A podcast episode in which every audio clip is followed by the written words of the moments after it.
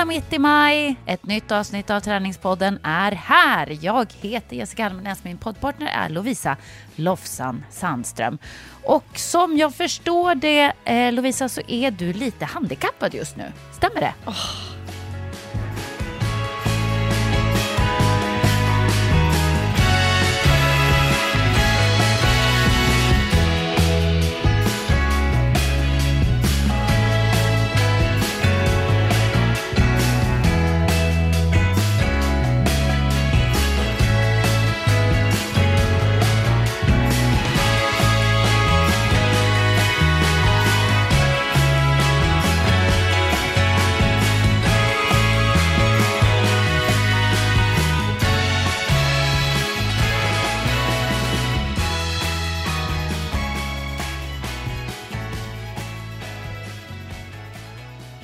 Jävla piss. Vad har hänt? Alltså, ja men det är det som är så här.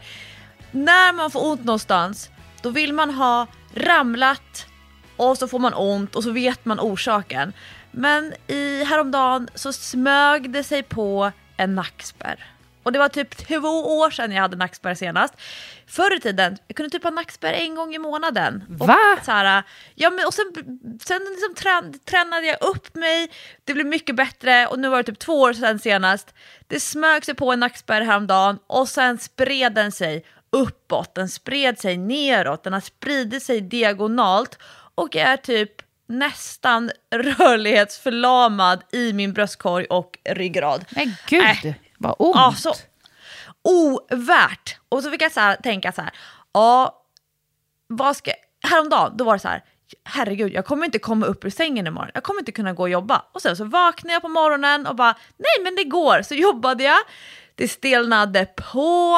Eh, men sen så tänkte jag, äh, jag, det känns ovärt att lägga en PT-timme, alltså när jag går och tränar själv med PT och sen så känna mig så här så stel. Ja. Så då bokade jag av min PT-timme som alltså då skulle ha varit i morse. Men igår kväll joggade 1,6 kilometer, gick jättebra, kändes ingenting. Paddlade en timme med de eh, yngsta kidsen i kanalen, kändes ingenting. I morse bara Åh gud, jag kan inte röra mig. Aj, aj, aj, det kanske inte var bra att överanstränga sig då när du hade, hade ont. Ja, men jag, Vet du vad jag... Ja, men det, var ju det, det gör inte ont när jag rör på mig, men det gör ont när jag är stilla och ska börja röra på mig. Men det är så här klassiskt muskulär nackspärr. Jag tror att jag vet vad det var som triggade det här. Okej, berätta.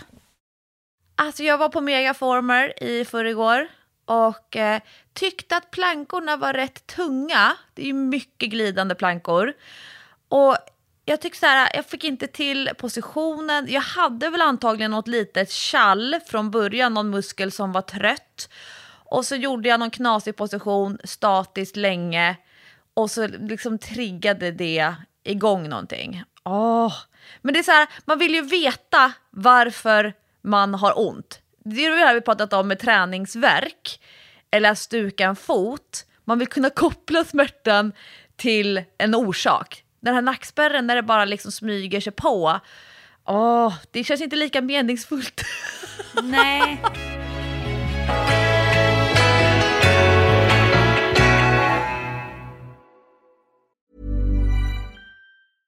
Hej, I'm Ryan Reynolds. At Mint Mobile, we like to do the opposite of what Big Wireless does. They charge you a lot.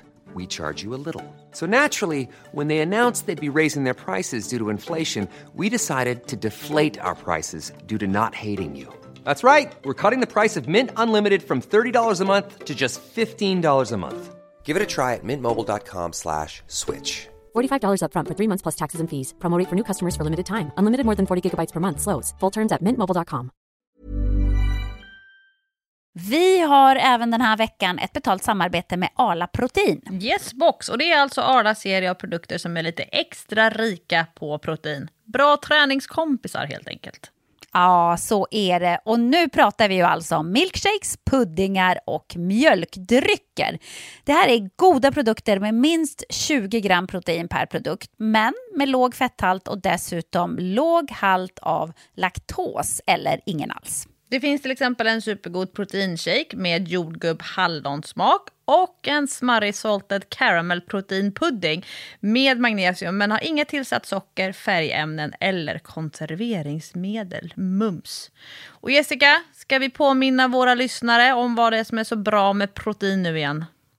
Ja, det ska vi absolut göra. Men först ska jag bara säga att när jag köpte hem de här puddingarna, köpte hem ett gäng för att jag skulle kunna fylla på efter att jag hade tränat.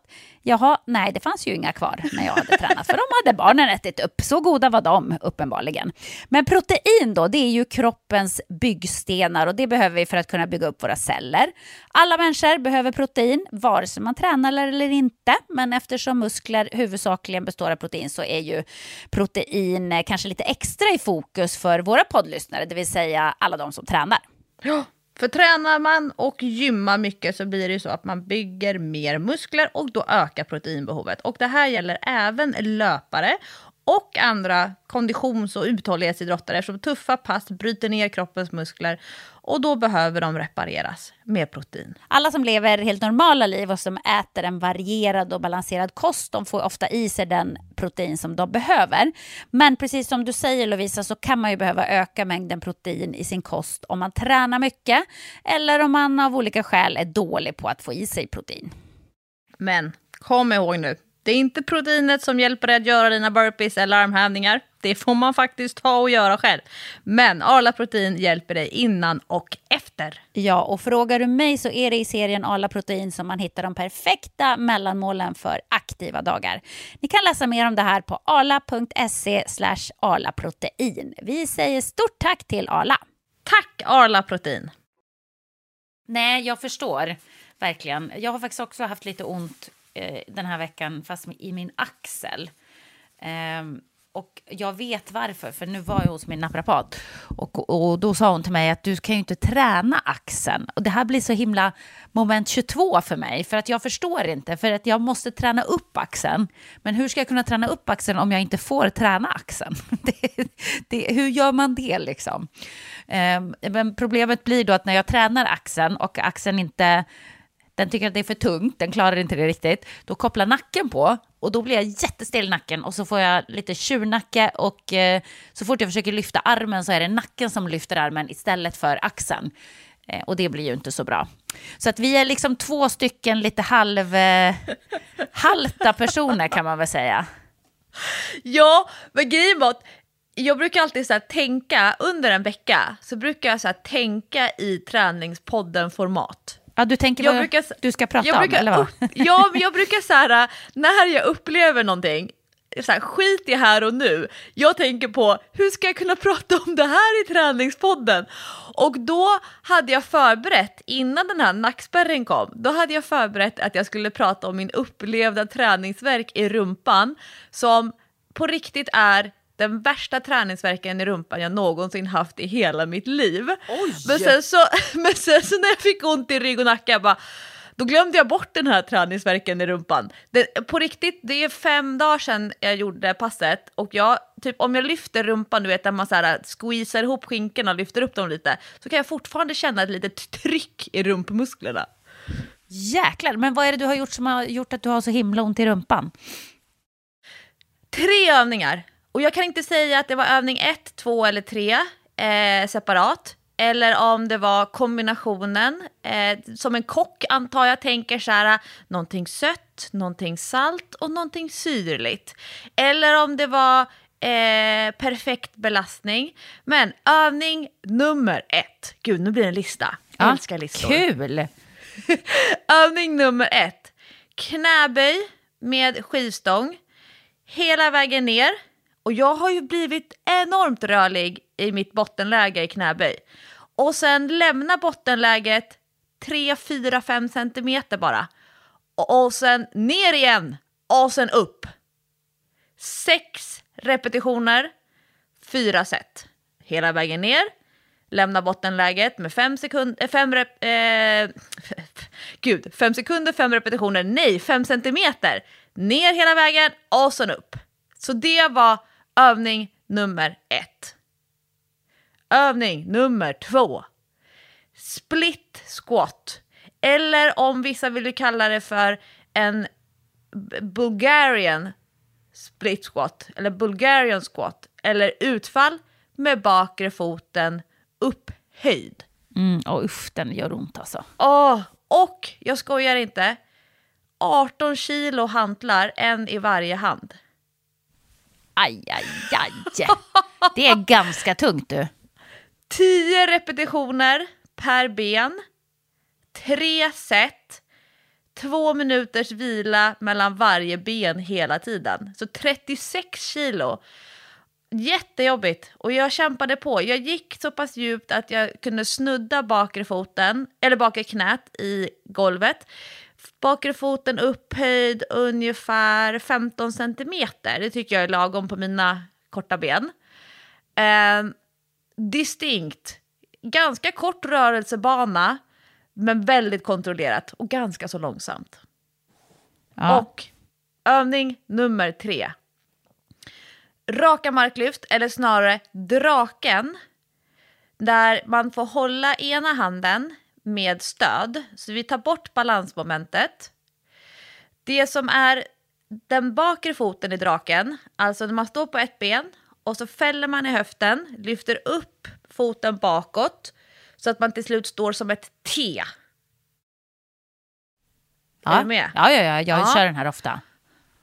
och 24 kilo i den här luftbenshanden. Ja, det kör jag Så inte hålla- ofta. Nej, hålla, hålla balans med ena handen, en sjukt tung kettlebell i luftbenshanden och sen 6, 7 eller 8 repetitioner försökte jag göra per sida. Och det är ju två grejer som är med den här draken. Nummer ett, stödjebenet. Det här benet som man står på. Det är ju så många tjejer som är väldigt rörliga i den knäleden. Så att de gärna, när instruktionen är att du ska stå med rakt ben, då vill man gärna låsa knät lite grann. Men att man ska faktiskt tvärtom försöka ha lite svikt i knät. Så att man inte jobbar med leden, utan att man jobbar med musklerna. Ehm, så att man får inte så här bukta eller bångna i knäleden, knävecket, knäskålen, utan man ska ha lite, lite ehm, vinkel på knäleden. Det är ju nummer ett för att verkligen kunna träna, komma åt baksidan. Och nummer två, höften. Det här är ju kämpigt. Väldigt många vill rotera, alltså öppna höften utåt. Just Men det. man ska ha, bäckenet pekar framåt när man står upp och pekar neråt när man är i sitt bottenläge eller sitt lägsta läge. Så att liksom bäckenet hela tiden pekar och jobbar åt samma håll. Man vill gärna rotera ut bäckenet åt sidan. Och det finns ju en variant i yogan där man ska göra det. Men om man vill träna rumpan, då parallella höfter som pekar hela tiden båda åt samma håll. Så det var övning 1, 2, 3. Och på riktigt så hade jag typ träningsverk en minut efter att passet var klart. Och sen eskalerade det. Men det var ju en fantastisk känsla. Men jag vill ju å andra sidan inte träna dagen efter. Det är det här eh, för och nackdelar med träningsverk. Det är ju asnice känsla, men inte jättesugen på att träna dagen efter. Men nu så ska du få höra någonting. För, för det första så blev jag väldigt sugen på att göra de där tre övningarna. Och, och innan jag säger min grej, så hade du bestämt dig för att det, det du eftersträvade var just att få träningsverk i rumpan av de här övningarna? Var det liksom poängen? Det var rumppumpen jag ville åt. Ja. Alltså, jag, jag ville ha trycket i rumpan. Jag vill inte ha träningsverken. Jag är ju eh, anti-träningsverk, tyvärr. Ja, men du vet, jag var på Bionic förra veckan. Det var nog innan vi hade poddat tror jag. Som jag hade varit på Bionic. Jag hade väl träningsverk förra veckan om jag minns rätt. Ja, det hade du. Ja, eh, och jättemycket, för då hade jag inte varit där på några veckor och då är det ju alltid som värst. Alltså när man inte har tränat där på ett tag eh, och går eh, igen, då, alltså det gör så ont. Man får ont precis överallt. Det är verkligen det där, kan inte sitta på toaletten. Jag hatar den känslan, du vet när man bara så här, öm i rumpan när man sätter sig ner och bara ah, det gör så ont. Eh, men i alla fall, då tänkte jag så här, nu ska jag prova ett nytt koncept. Vad händer om jag tränar igen när träningsverken är som värst? För det har jag aldrig provat. För att jag har ju liksom tänkt med Bionic så här, när man får den här hemska grymma träningsverken, då måste det vara så att man ska vänta ut den och innan man kör igen, har jag tänkt. Eh, men nu tänkte jag så här, nu ska jag testa något nytt. Så nu bokade jag en ny tid igen på fredagen. Då hade jag tränat först på tisdagen och nu tränar jag på fredagen. Och det är oftast dagen, inte dagen efter, men Eh, två dagar efter som man får den absolut värsta träningsverken från Bionic. Så att, torsdagen hade jag fruktansvärt ont, fredagen fortfarande otroligt mycket träningsverk. Tänkte så här, ja det här, jag vet inte om det här är bra. Så jag sa det till dem när jag kom dit, så här, jag har så otroligt mycket träningsverk så jag vet inte om det är för tidigt att träna. Och de bara, nej men det kan vara bra. Jag bara, ah, okej, okay, vi provar. Så körde jag på då och då var det lite som, för du vet när man har väldigt mycket träningsverk och så går man på gymmet till exempel och försöker göra typ den typen av övningar som gör att man får ont där man har träningsverk. Det är ju inte så bekvämt, eller hur? Nej. Det är ju en plåga liksom. Man försöker böja, vet, har man träningsverk i rumpan försöker man göra ett knäböj. Alltså det är ju fruktansvärt, det gör ju ont liksom.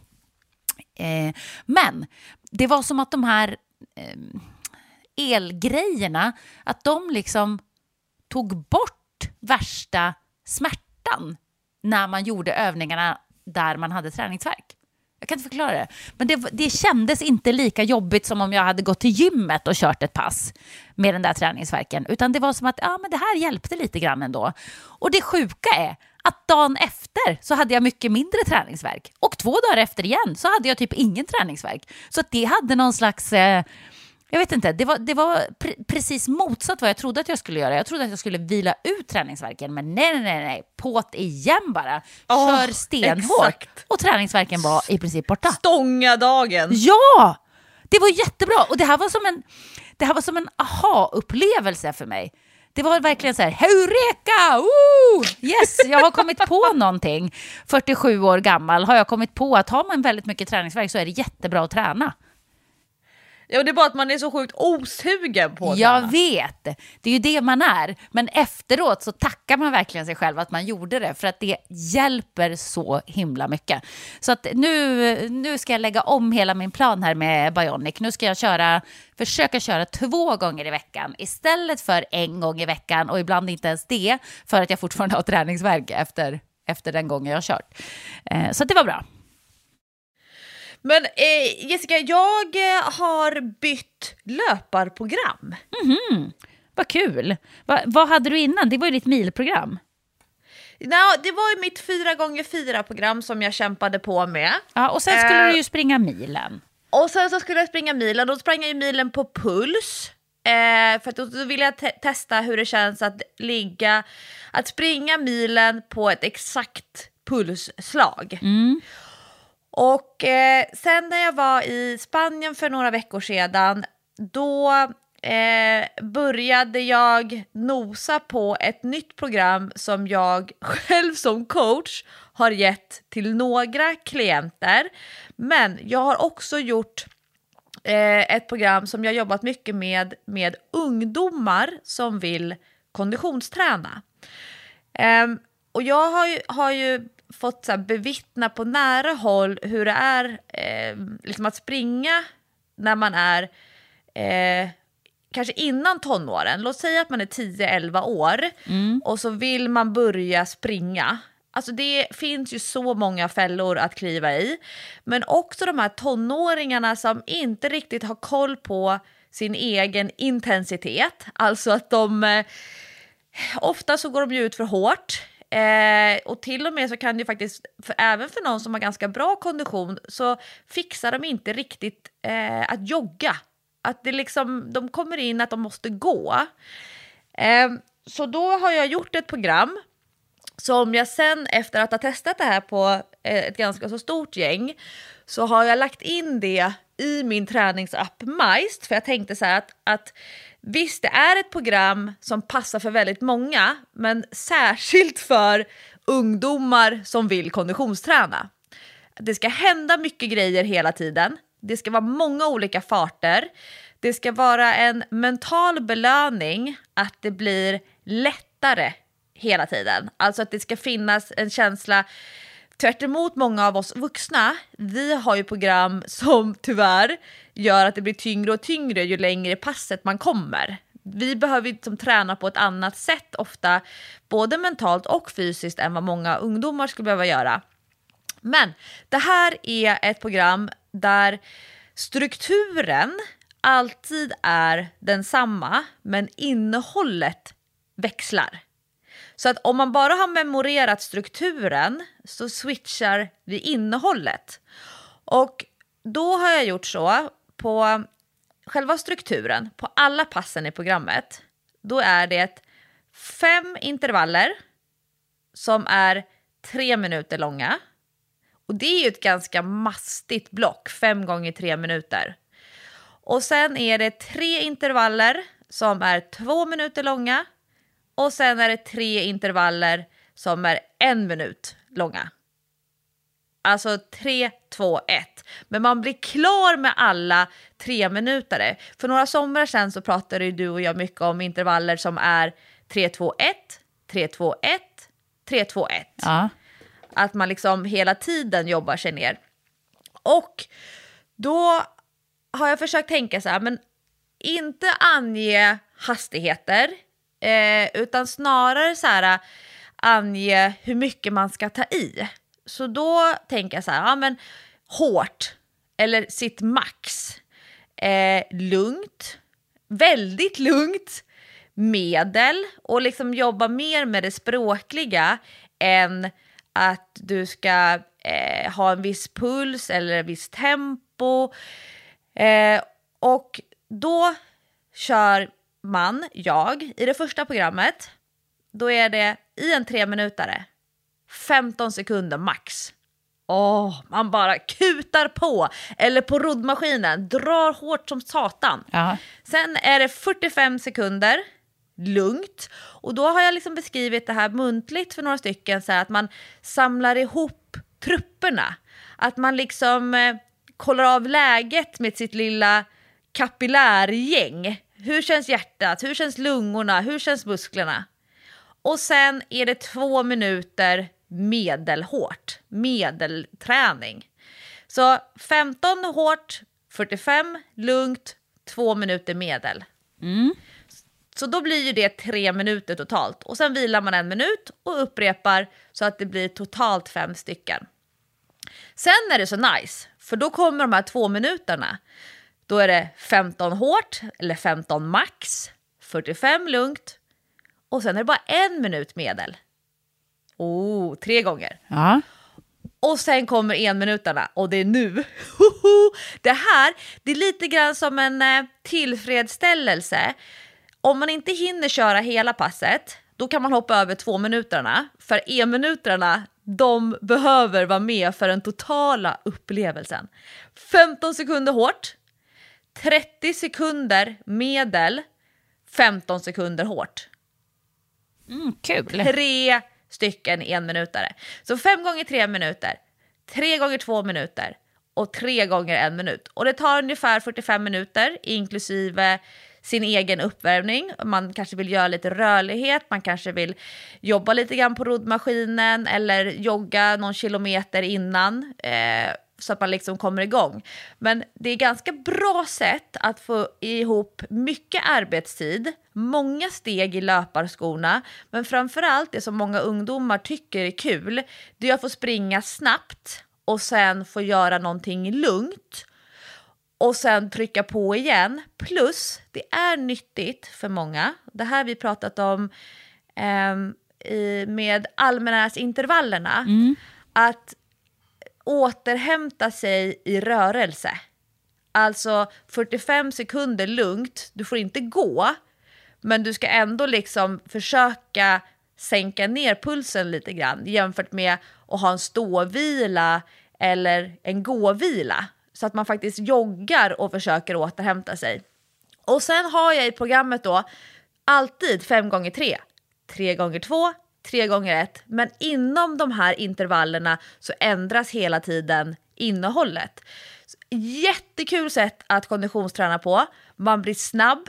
Det händer så mycket hela tiden. Man kan inte bara zooma ut, man måste hålla koll på klockan. Vissa lägger in egna intervaller i en app eller i sin klocka så att det piper. Jag tittar ju på klockan och så eh, kollar pulsen och så ändrar jag hastigheten beroende på vad det är för intervaller. Och det är eh, totalt sex pass i programmet och man kan göra pass 1, 2, 3, 4, 5, 6 eller så kör man ettan flera gånger, tvåan två gånger, trean tre gånger, några gånger så att man verkligen lär känna formatet och man får så bra resultat av det här programmet. Jättekul, jag är supernöjd. Men eh, tycker du att man ska liksom bestämma på förhand vad de olika tempona innebär eller ska man bara höfta det som känns som medel eller känns som lågt eller?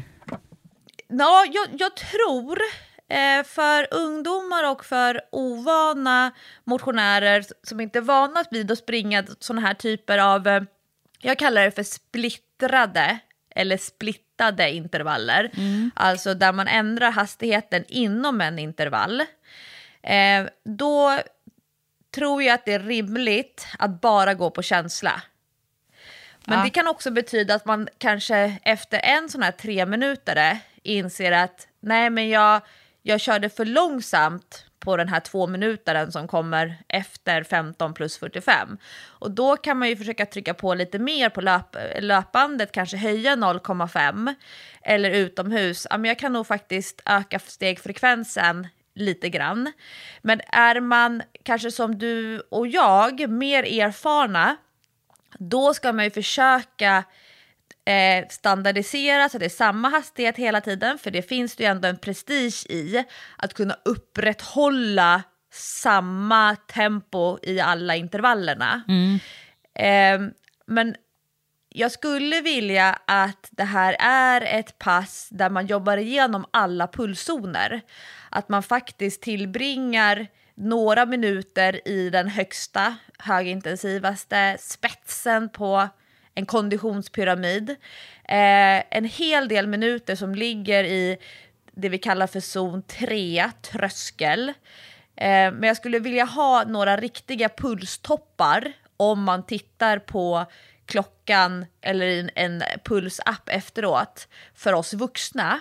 Men för ungdomarna så kommer pulsen se väldigt random ut. Det kommer vara, vi kommer inte kunna se ett mönster, de har ofta svårt att hitta liksom, rätt tempo för sig själva. Så där behöver man inte vara lika analyserande, utan för dem handlar det mycket mer om att genomföra ett pass, tycka att det är kul att det händer mycket.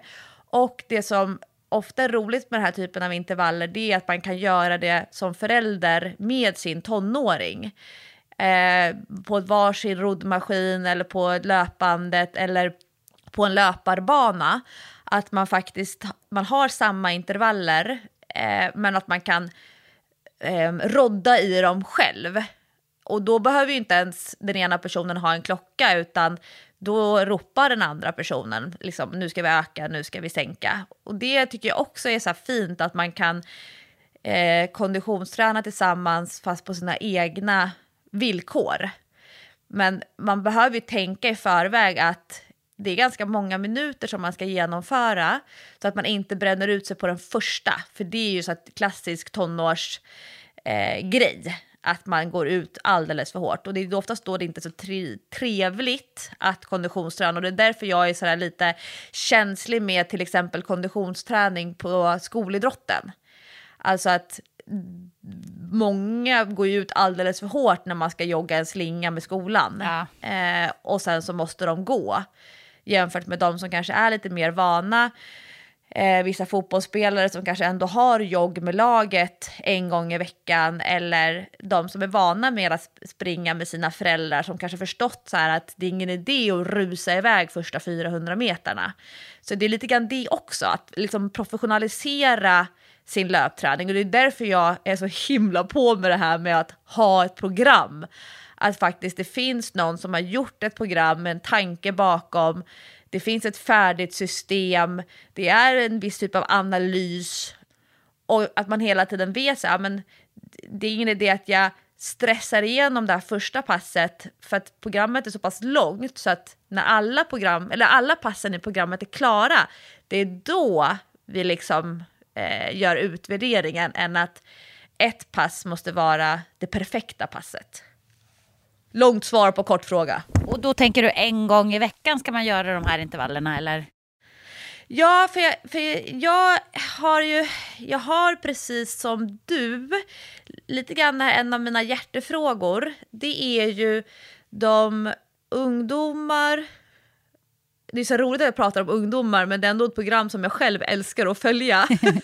men de ungdomar som eh, kanske har en idrott eh, som man tränar en eller två gånger i veckan men man vill komma igång och träna själv. Och det är ju ofta nu, typ den här månaden, som eh, det kanske blir lite lättare för de ungdomarna som faktiskt vill ut och jogga, sätta på musik spellista och sticka iväg. Eh, en kompis med mig, hon berättade för mig, alltså Lisa, jag blev så förvånad häromdagen. Kom hem från jobbet, var ingen hemma. Och sen efter en halvtimme så kommer typ en 16-årig dotter hem och då har hon varit ute och joggat själv. och mamman bara, vänta nu, vad hände här? Det var liksom, då hade hon fått feeling, lite grann som jag tänkte för några vintrar sedan när dina två söner själva stack iväg och åkte Ja. längdskidor. Så sjukt! Man fattar ingenting. Och de var ute hur länge som helst. Men det, är så här, det kan komma lite sådär out of the blue och då vill man ju som förälder så här, man vill ju fira och jubla eh, men man vill samtidigt inte, lägga någon press på att det måste ske igen. Så man får ju liksom ha lite fingertoppkänsla där. Eh, men Eh, vad, vad var frågan? Jo, så då tänker jag så att om man har en idrott som man går på en eller två gånger i veckan och sen så vill man ha tre pass i veckan, då tycker jag att det är, bättre att köra ett sånt här program parallellt istället för att bara sticka ut och jogga. Att det faktiskt liksom händer lite mer. Eh, men sen det jag skulle säga då, en av mina hjärtefrågor, det är ju alla de här tonåringarna som inte är engagerade i föreningsidrott som kanske är uppvuxna med att följa med en förälder till gymmet och träna eller att man tränar hemma med föräldrarnas hantlar. Eh, man kanske har varit i föreningsidrott eh, men lämnat verksamheten för att man inte har trivts eller att man inte vill vara med på de premisserna för att det blir för mycket elitsatsning, för många träningspass i veckan, att det blir utgallring, eh, att bara vissa kallas till, vissa, till matcherna och så vidare. Eh, och att de får en tidigare entré och ingång till det som för oss vuxna är vår egen träning där vi måste ta 100% eget ansvar, där det inte finns bokade träningspass med ett lag. Eh, att de barnen och tonåringarna och unga vuxna ska känna att deras träning på många sätt är lika professionell som om de hade varit med i en föreningsaktivitet där det finns en vuxen som tar ansvar för träningsinnehållet. Eh, det är lite det som jag är väldigt mån om och särskilt de här 16-17-åriga tjejerna och killarna som faller ur föreningsidrotten och där vi vet att det kan ta 5, 6, 7 år innan de kommer tillbaka till en meningsfull fritid med fysisk aktivitet oavsett om de väljer att börja träna på Friskis, Sats eller löpträna själva.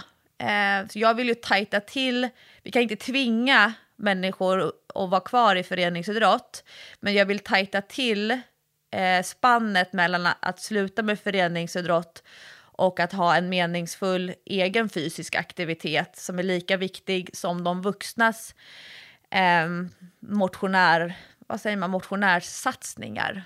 Eh, där tror jag att vi har jättemycket att vinna på, både på folkhälsa, den stora populationen, ekonomiskt, eh, psykiskt välmående, men också på individnivå. Eh, att eh, professionalisera och eh, värdesätta äldre ungdomar och unga vuxnas träning och motionerande. De kommer ju ofta eh, för långt bakom. Eh, de faller ur och det drabbar både individen och familjen att de unga vuxna eller äldre tonåringarna inte upplever meningsfullhet längre i sitt fysiska aktivitet oavsett inriktning.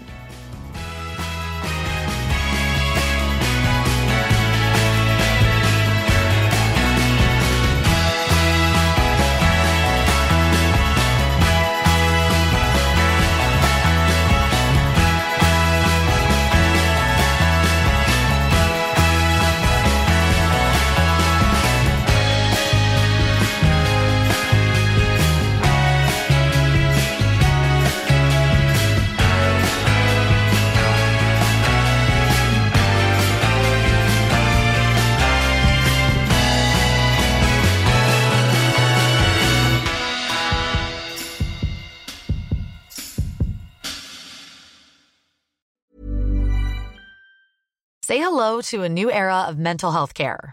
Cerebral is here to help you achieve your mental wellness goals with professional therapy and medication management support. 100% online. You'll experience the all new Cerebral Way, an innovative approach to mental wellness designed around you. You'll get a personalized treatment plan from a therapist, prescriber, or both in a safe and judgment free space. Your cerebral therapist or prescriber will outline a customized plan with clear milestones along the way so you can get to feeling your best. With Cerebral, you're not alone in your mental health journey. We're here to empower you to live a fulfilling life.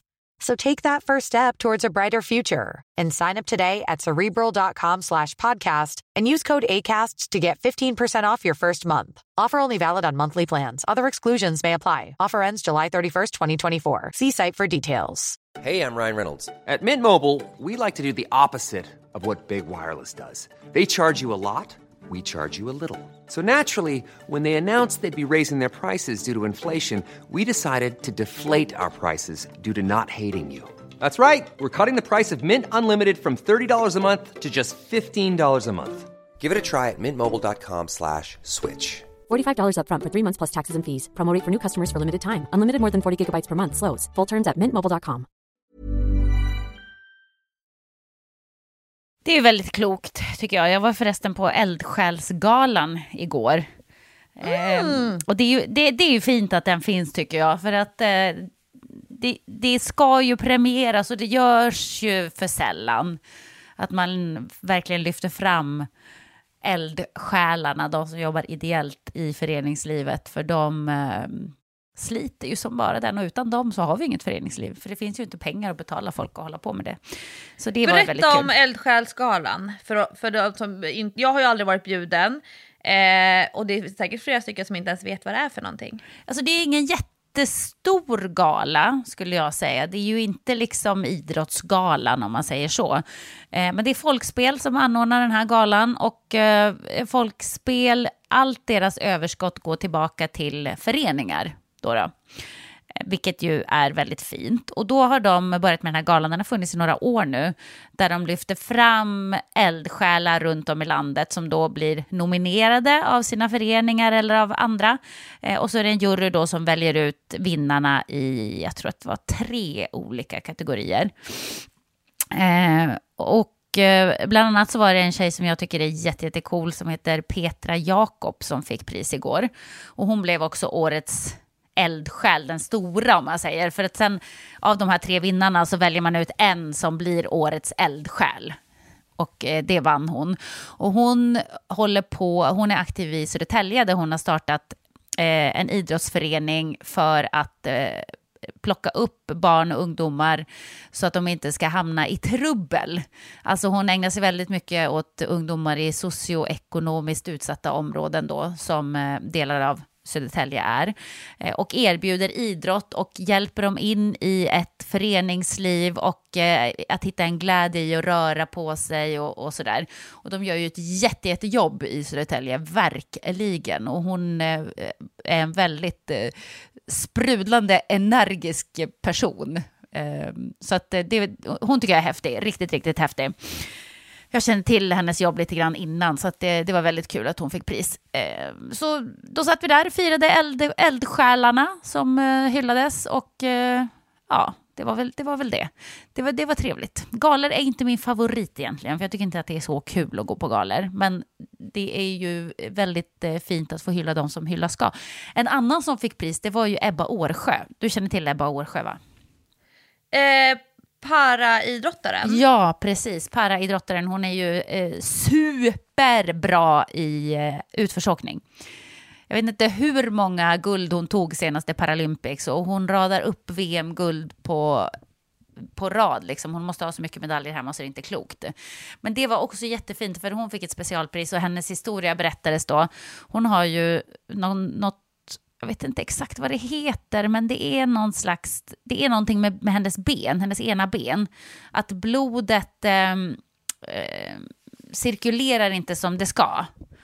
Eh, och hon har jättemycket så här eh, tunna blodkärlsvullnader, eh, benet blir blått, eh, eh ont har hon ju såklart givetvis i det här benet. Och hon, hon kan inte bygga muskler i benet och så. Eh, och benet ser ju liksom annorlunda ut helt enkelt. Alltså det är, det är blått och lite knöligt och, ja, så. Och hon berättade hur hon hade skämts över det här när hon var barn och att hon liksom ville ge upp och hon trodde aldrig att hon skulle eh, våga visa sitt ben för någon och att hon då har lyckats vända det här genom föreningslivet och idrotten, att hon hittade en plats någonstans. Och att idag så har, är hon där att hon till och med vågar visa sitt ben och att hon är stolt över sig själv och som hon ser ut och eh, inte skäms för det längre. Liksom. Men det var väldigt fint faktiskt. Jag blev nästan lite rörd, för Ebba blev också så otroligt rörd när hon fick ta emot det här priset, för det var som att det slog henne så här hur långt hon har kommit från att hon var den där lilla tjejen som eh, nästan ville ge upp. Eh, det är ju faktiskt ett följtips på Instagram. Kan jag eh, tipsa om. Följer du Ebba? Alltså, ja, och jag tycker att... Eh, alltså, jag följer henne för att hon är så jäkla snygg. Ja, men hon är verkligen det. jag säger det rakt ut. Men sen så kan jag... Alltså, då ligger jag här med min nackspärr i sängen Eh, eller någon annan gång så här, alltså du vet när man, man har sina issues, hang-ups, man gräver ner sig i sina egna pyttesmå problem som man typ gör till stora svarta håriga spindlar som bara tar över ens eget liv. Och så kan jag säga, okej, okay, nu går jag in och kollar lite grann på Ebba och så bara känner jag så här, men Lovisa skärp dig för fan. Du kan inte klaga på att du har ont i tummen alltså efter min, min skidolycka. Du kan inte klaga på att du har ont i tummen alltså om Ebba kör på sitt race, alltså Lovisa, släpp det. Det är liksom, det är mycket av det som jag kan tycka, precis som Aron eh, Andersson heter han efternamn, som Aron som besteg mm. Kebnekaise mm. i rullstol, eller som alltså, kör eh, Vasaloppet i sitt Alltså det är bara, Lovisa, skärp dig. Ens egen, man, man, kom, man, tycker att man har så himla stora problem. Då kan jag titta på alla de här äh, fantastiska paraidrottarna och tänka så här, ja, Lovisa, gå till gymmet. Lovisa, ut och spring. Ja. Lovisa, Hammarbybacken står där, det är bara att ta dig upp. Ja men verkligen. Äh, hon är faktiskt riktigt, riktigt cool Ebba. Jag blev så imponerad också under Paralympics av henne för att hon körde ju, jag tror att hon kör alla grenar, alla slalomgrenar. Det är ju ganska mycket tävlingar då eh, under ett mästerskap. Och hon hade ju halvvägs tror jag det var så hade hon så ont i sitt ben så att man hörde i intervjuer att hon, alltså hon led verkligen. Hon hade så ont, så ont, så ont, så ont och hon genomför ändå det här mästerskapet. Det, det är en riktig vinnarskalle den där tjejen. Ja. ja. Så Hur det var kul. Hur går det för dig Jessica med eh, din löpning? Om jag håller på med eh, tre minuters, två minuters och en minuters intervaller, hur, eh, du kom ju igång när du var bortrest på jobb. Ja, men jag känner att jag har lite sug efter löpning faktiskt. Nu har jag haft väldigt dåligt med tid här i maj. Maj har varit en sjuk månad för mig. Alltså jag är så stressad så att jag vet inte vad jag heter nästan. Det, jag har verkligen minutschema varje dag. Det är jättejobbigt. Jätte, jättejobbigt. Som vi pratade om, tror jag det var förra veckan, att eh, saker som egentligen är roliga känns inte roliga, det känns bara som ett måste. Och, och det känns eh, som att jag dubbel och trippelbokar allting hela tiden. Så att det är, ja, det är lite pestigt sådär. Och träningen har ju blivit därefter, så jag är glad att jag lyckades trycka in Bionic. Det går ju ganska fort på Bionic, man håller ju bara på i 20 minuter. Så att, eh, det var bra att jag lyckades få in två sådana pass. Men jag har också som sagt känt sug efter löpning och dels efter basketträningen som jag var på i torsdags förra veckan. Då var vi ganska få, så vi körde bara på en korg. Då springer man ju inte så mycket, utan det blir väldigt korta löpsträckor hela tiden. Så skulle vi avsluta med att eh, skjuta straffkast och så om vi alla sköt tio straffar, eh, om man satte mindre än sju så skulle vi lägga ihop det efteråt, alla missade då som var mindre än sju och så skulle vi springa så många längder. Ja men så var vi ganska... Vänta, säg, säg igen. Ja. Det här tyckte jag var kul. Det, det här vill jag härma. Säg en gång till. Nej, men alltså, straffkast ska man ju egentligen, 70% är ju okej kan jag tycka, men man ska inte ha mindre än 70% på straffkast. För att du får stå helt ostört och skjuta eh, ett skott som du har skjutit en miljon gånger om du är basketspelare. Så att där ska man ha minst 70%. Så är det ju en grej att skjuta när man är trött och när man är eh, utvilad och sådär, det är ju helt olika saker. Men då eh, så kör man till exempel så att man ska skjuta tio straffar var och då ska man sätta minst sju. Och sätter man mindre än sju så får man springa en längd för varje miss. Men då får hela laget springa. Och det här är ju ett sätt också att göra det till en matchsituation. Att man blir lite pressad. Att man känner ändå att jag måste sätta. För om jag missar, om jag missar fyra straffar som jag inte får missa. Sä, säg att jag sätter så här bara tre av tio, då är det fyra längder för hela laget. Det är klart att man känner lite press. Och, det, och den situationen vill man ju uppnå. Man vill ju att det ska vara press. Så att vi kör ofta det där att man avslutar med, när vi hade en tränare, då, då fick vi ställa upp oss på längst ner på baslinjen och sen bara pekade han på någon som skulle skjuta ett straffkast. Och om den lyckades sätta straffkastet, då behövde vi inte springa. Då var träningen slut.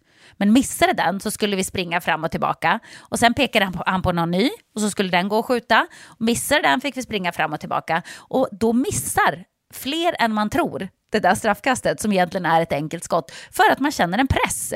Och det är ju den situationen man vill uppnå eh, så gott det går på träning. Att det, att det är samma pressade situation som det kan vara på en match. Om det står lika i matchen till exempel och man får straffkast sista minuterna som du såg när du var i Göteborg och tittade när jag missade två straffar på slutet och vi förlorade matchen. De situationerna vill man ju kunna hitta på träning. Så det här gjorde vi då.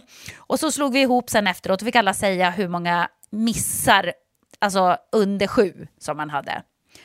Eh, och då var vi ganska duktiga faktiskt, för på hela laget då, jag tror att vi var sju på träningen, eh, så blev det fyra längder.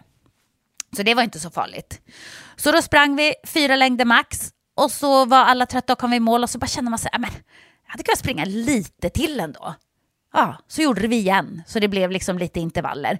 Och där fick jag ändå, det var inte så mycket löpning, men jag kände så här, åh, jag är sugen på att springa. Jag vill verkligen ut och springa. Och jag kände att jag var ganska pigg i löpningen.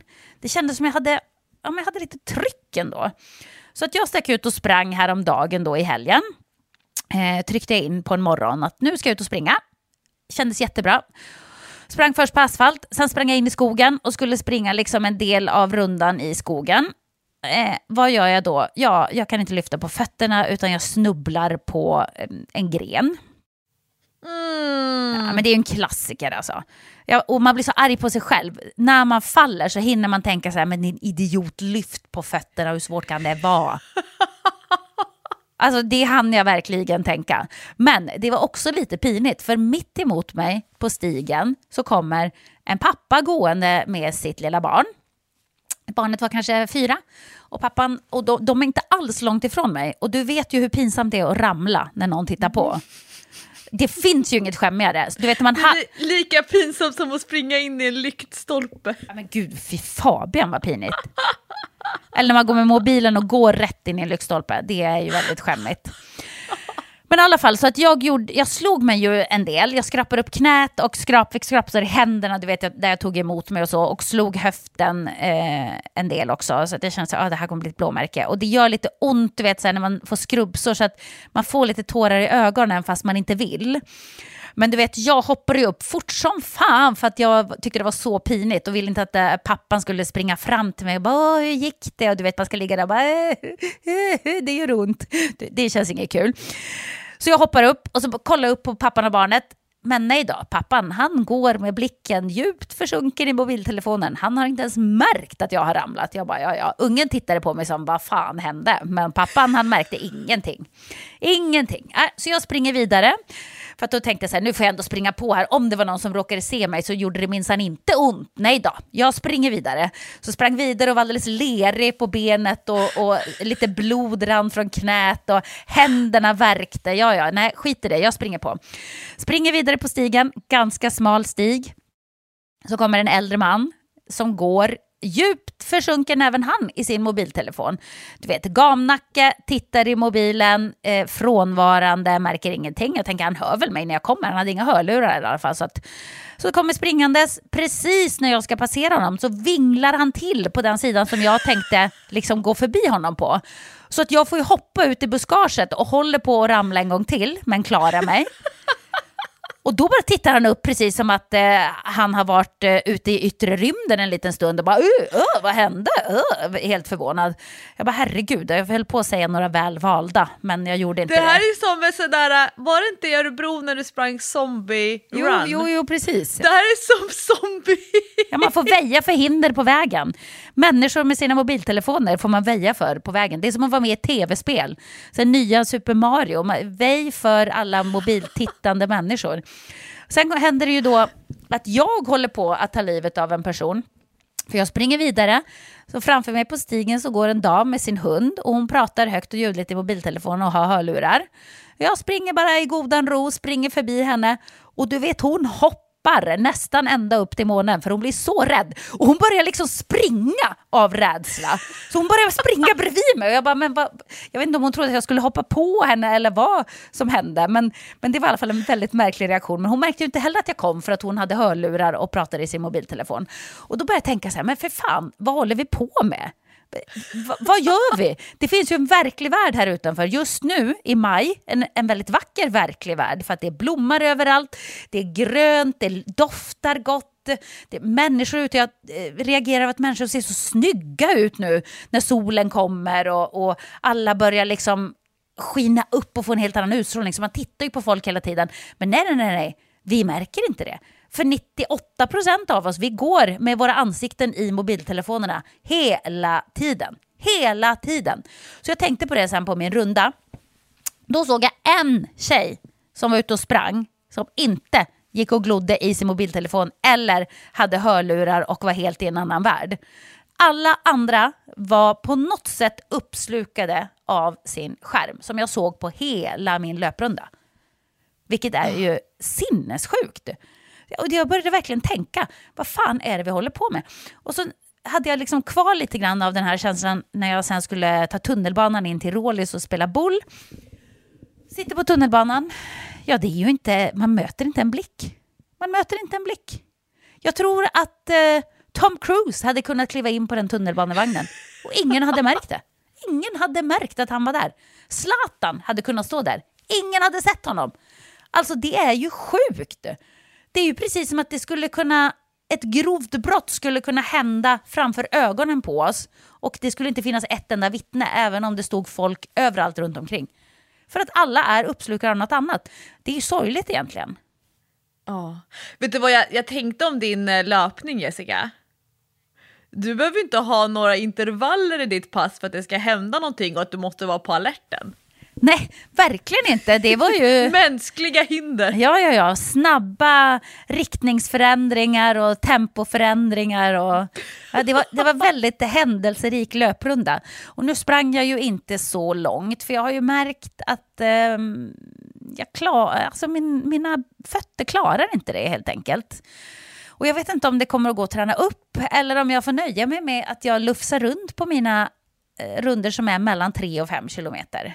Det är lite tråkigt, men jag får, jag får väl eh, se det positivt nu som att jag har någon slags löparglädje i alla fall. Och så får jag gå på den ett tag och så får vi se om jag klarar av att öka upp det lite. Jag vill ju gärna kunna springa långt igen. Jag blir avundsjuk. Bara när folk sprang Kungsholmen runt eller Göteborgsvarvet i helgen så bara såg jag så mycket bilder på Instagram och jag bara kände jag vill också göra det där. Jag vill också. Jag hade jättegärna sprungit Kungsholmen runt. Skittrevligt lopp ju. Platt är det. Kungsholmen runt har ju sprungit egentligen hundratusen gånger utan att det har varit ett lopp, utan bara som träning. Och jag var så sugen, så sugen, så sugen och så går det inte. Blir inte du sugen när du ser alla loppbilder och folks loppberättelser och sådär i sociala medier? Alltså det är helt fantastiskt. Och jag, nu är jag en, en centimeter ifrån att anmäla mig till Söder runt som går eh, andra helgen i juni. Som alltså då är ett lopp som går runt min egen stadsdel. Som du, jag har sprungit det hundratusentals gånger. Och jag har så här, äh, men alltså ska man inte springa den där snabba bilen med nummerlapp på min egen Ja. träningsrunda? Det är klart du ska. Det är skitkul. Men jag- jag kommer att tänka på en sak Jessica. Apropå det här med, alltså Eh, jag tänkte på det förra veckan så eh, skulle jag iväg på styrelsemöte och, men då ville jag ändå svänga in på sinken för att jag hade massa PT-klienter som själva hade bokat in att de skulle köra ett eh, löppass på sinken, alltså inne på idrottsplatsen och springa runt på löparbana. Det är så härligt att de, trots att inte jag styr upp eh, träningspassen så gör de det själva numera. De blir mer självgående. Och då ville jag ändå liksom svänga förbi, vinka till dem och kolla att de liksom hade kommit igång och så. Eh, och då kom jag in på sinken och det är en sånt enormt tryck. Alltså tre ungdomsfotbollslag som tränar, eh, mina tjejer som sprang intervaller, en löpargrupp som sprang, eh, massa vanliga motionärer som springer ensamma. Och då ser jag ju framför mig så här, wow, det här är ju ett gym eller liksom en träningsarena för löpning på bana. Alltså det blir verkligen min känsla. På samma sätt som att folk går till, in på ett gym och så är det en träningsarena för styrketräning till exempel. Eh, och ja, det, liksom det, de här alla stigarna runt om i landet som används för jogging eller då promenader, det är ju också på sitt sätt en arena för en typ av aktivitet. Och jag har ju gjort som en grej att hälsa på alla som jag möter när jag är... Jag kanske inte, jag kan inte göra det nere vid liksom, eh, Årstaviken. Herregud, man möter en person var tredje meter. Det är klart jag inte kan hälsa på varenda person. Men jag ändå försöker så här, titta lite och så här, möta blickar. Eh, men om jag är på en stig, typ jag springer en hel del i Kärrtorp, eh, Hellasgården, liksom utanför stan. Och är det en stig, vi är ute i skogen och jag möter en person, då tittar jag på personen och så hälsar jag.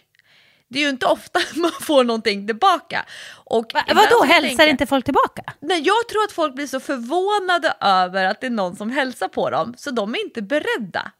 Det är ju aldrig så att någon hälsar innan mig eh, när jag hälsar. Nej, men om någon säger hej så säger man ju hej. Jag tror att det går så fort, så de är inte beredda. De, de blir lite så här äh, paffa och sen så äh, hinner det gå några sekunder och då har jag liksom redan kommit vidare. Så det är inte så att de vänder sig om, hallå, hej hej! Men alltså, jag kan ju tycka att ju mer folktomt ställe man möts på, desto, desto viktigare är det så att möta varandra. Verkligen, verkligen. Och säga hej.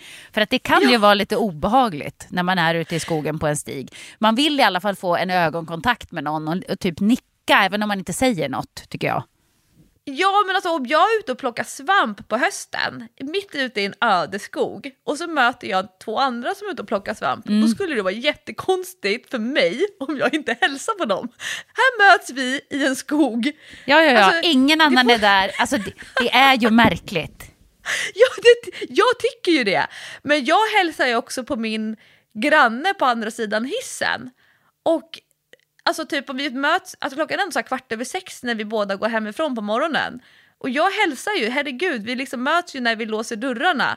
Eh, och den här personen bara tittar ner i marken och typ blir- tycker det är sjukt jobbigaste som finns att jag hälsar Men kvart över sex. Men, men ytan som vi möts på det är typ en och en halv kvadratmeter.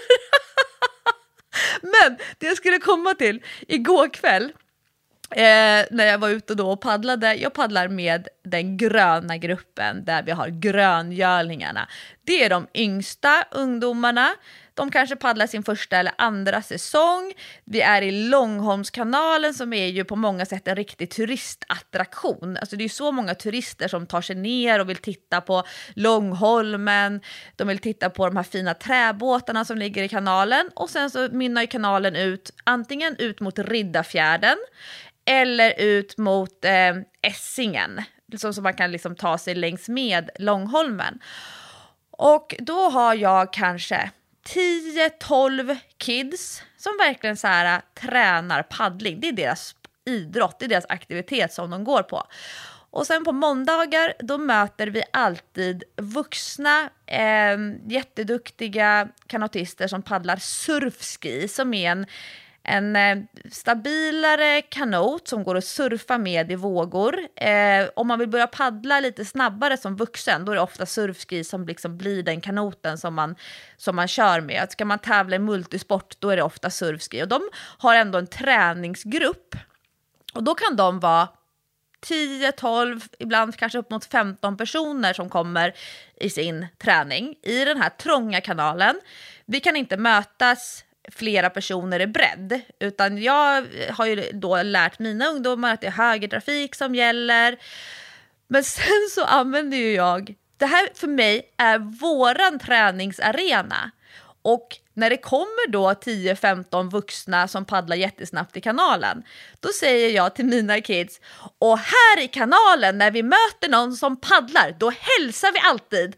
Och då kommer de hälsa tillbaka.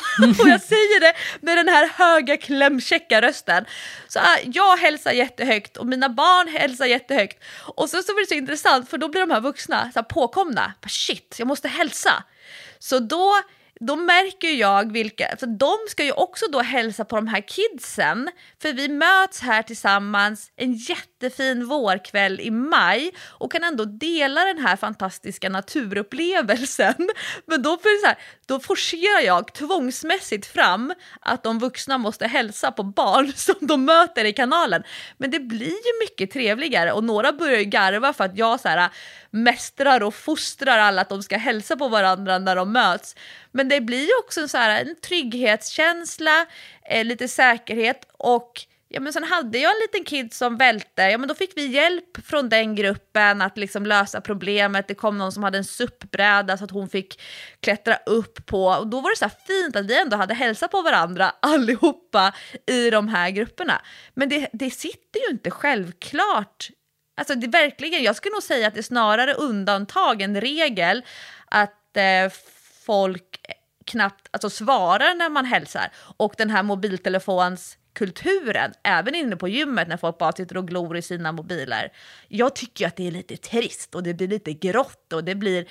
Ah, vi, vi delar ju ändå en upplevelse på många sätt tillsammans för att vi råkar vara på den här platsen samtidigt. Ja, men man missar ju så mycket av livet runt omkring alltså, jag tror, någonstans så tror jag att vi...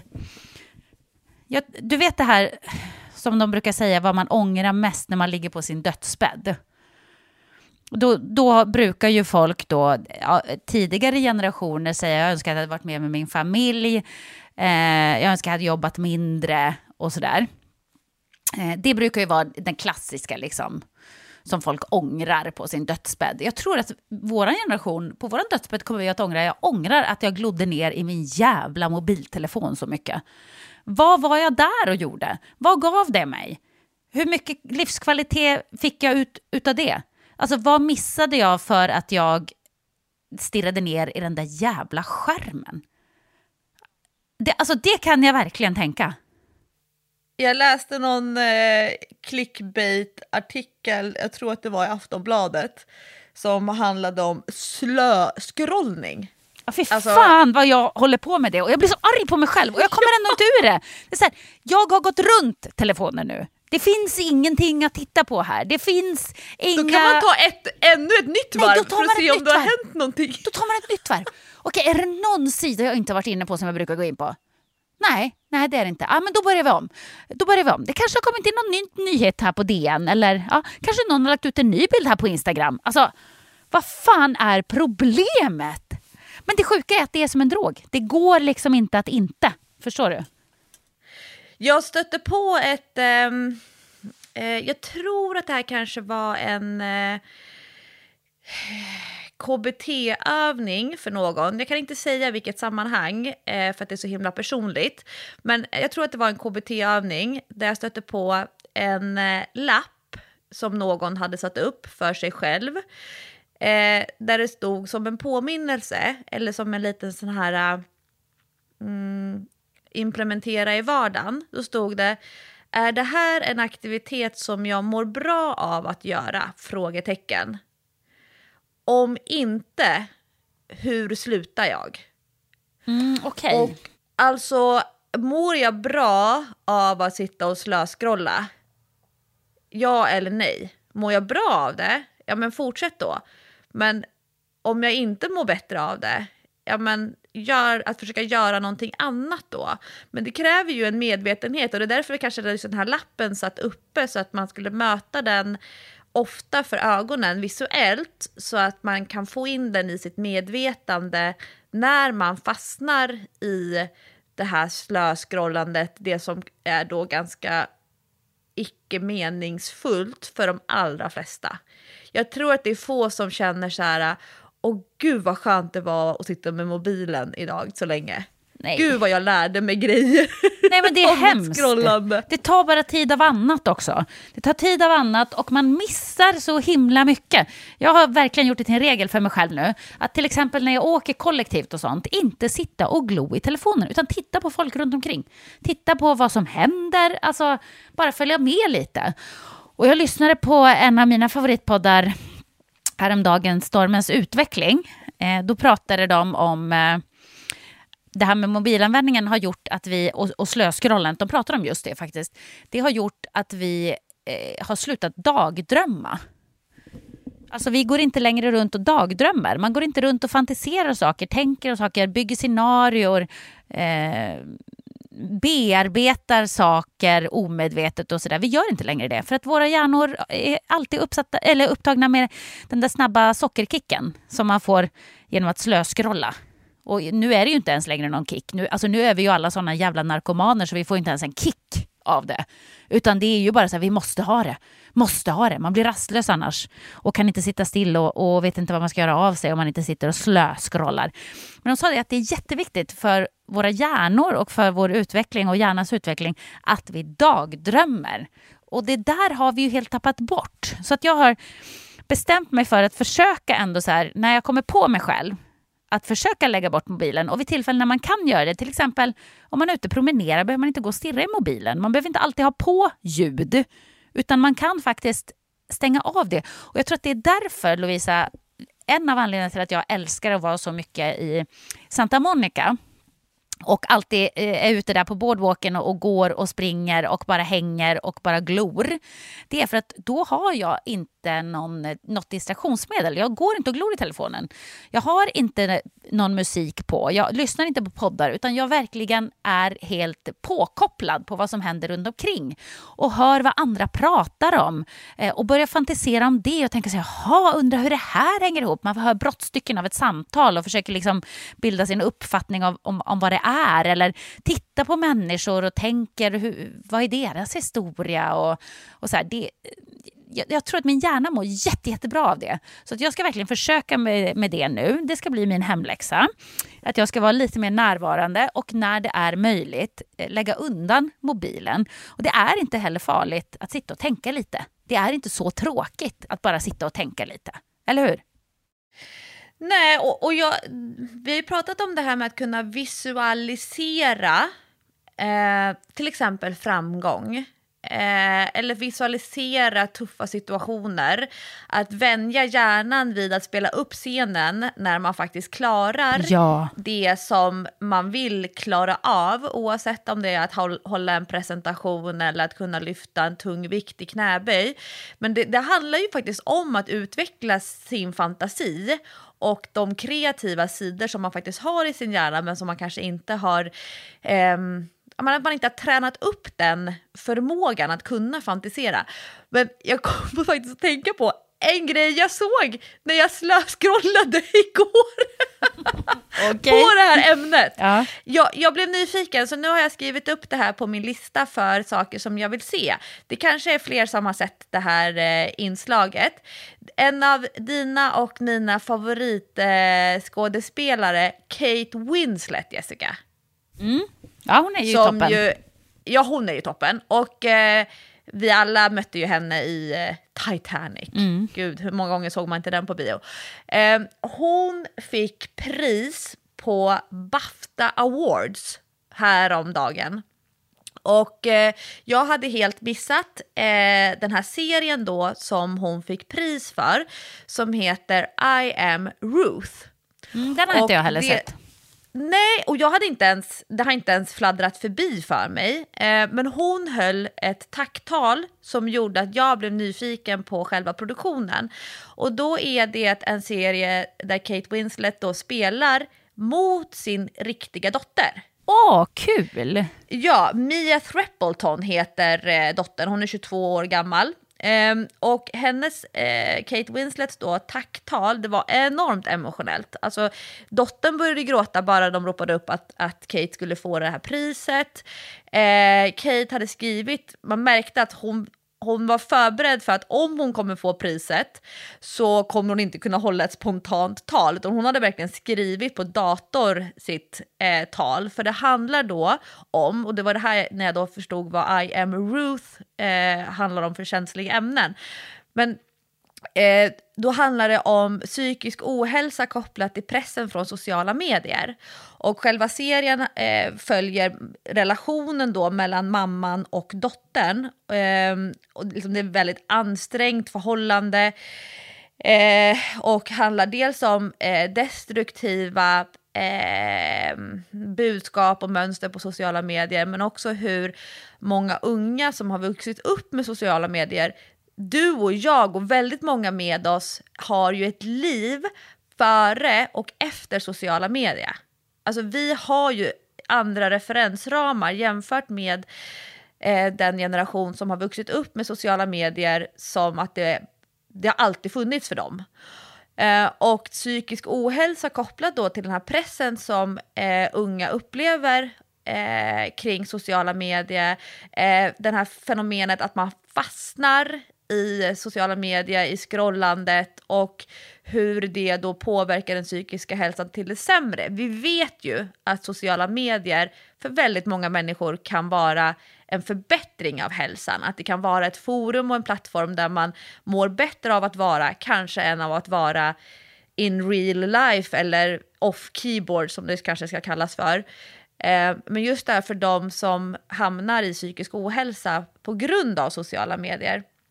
Eh, så den ska jag kolla på, I am Ruth. Eh, just det här med förhållandet mellan eh, människor och sociala medier. Och det hänger ju ihop lite grann med att fastna i telefonen. Men det var ju eh, intressant att det var ett slöskroll som ledde mig till Bafta Awards och det här tacktalet. Jo, men all, allt slöskroll är ju inte av ondo. Alltså det är klart att det... Man kan ju liksom snubbla på bra grejer också och eh, eh, också lära sig saker, givetvis. Men det mesta slöskrollandet, alltså det måste bort, det måste bort.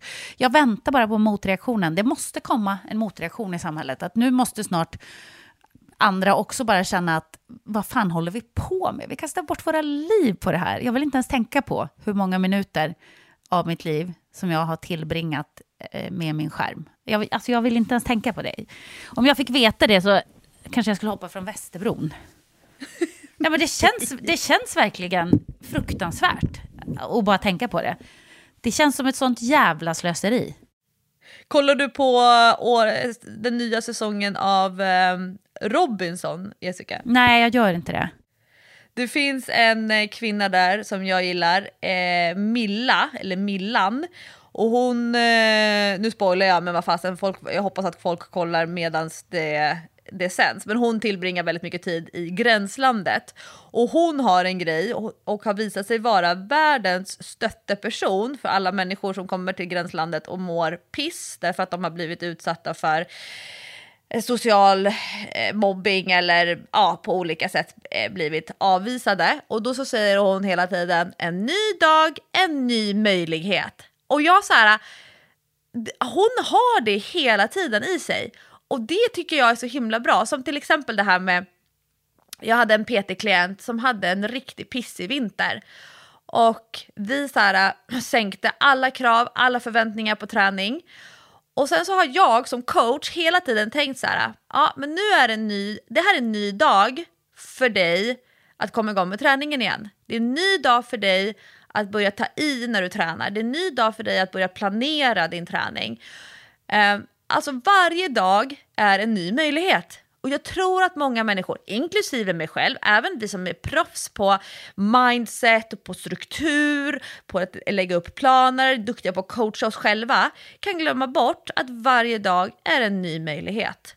Och det är ändå så här, det kan man också skriva upp då som en lapp. Så här, ny dag, ny möjlighet. Att inte behöva bära gårdagens förorättelser eller eh, ja, olika typer av trauman från tidigare. Ny dag, ny möjlighet. Det är faktiskt jättebra grej att tänka på. Nu måste vi eh, runda av den här podden, men jag kan ju bara berätta vad jag ska göra nu då i helgen först. Det är ju lite långhelg nu, Kristi himmelfärd. Jag ska ju som vanligt spela Basketfestivalen. Jajamän, det ska bli kul i plus 40. Jag är supertaggad eh, på det. Det kommer ni få höra om nästa vecka. Men jag ska också, och det här är jag taggad för, men nästan mest nervös. Alltså jag var så nervös, jag vaknade mitt i natten häromdagen och bara kände så här att det sög till i magen för att jag var så nervös. Eh, för att jag har nämligen kvalat in till KM i hoppning på min ridklubb. Och, och jag är jätterädd, för det kommer att vara höga hinder och banbyggaren, som är en kompis till mig då, hon har sagt att hon kommer att maxa allt. Alltså hon kommer att bygga så högt som hon får bygga, det kommer att vara svårt tekniskt, det kommer att vara en vattenmatta med. Och jag är så nervös. Alltså jag är så nervös jag vet inte vad jag ska ta vägen. Ah. Så att det blir en eh, spännande tävlingshelg. Jag ska visualisera, visualisera. Inte att jag då eh, trillar av. Det ska jag försöka att eh, undvika att visualisera. Och jag ska åka till metropolen Katrineholm.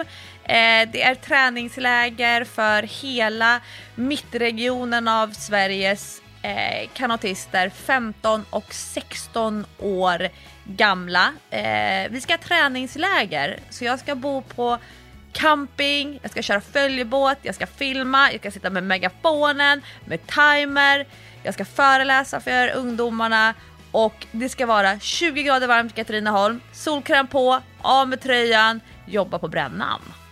Kul! Då har vi massa roligt att prata om nästa vecka. Tack för att ni lyssnar och ha nu en riktigt trevlig långhelg. Puss och kram!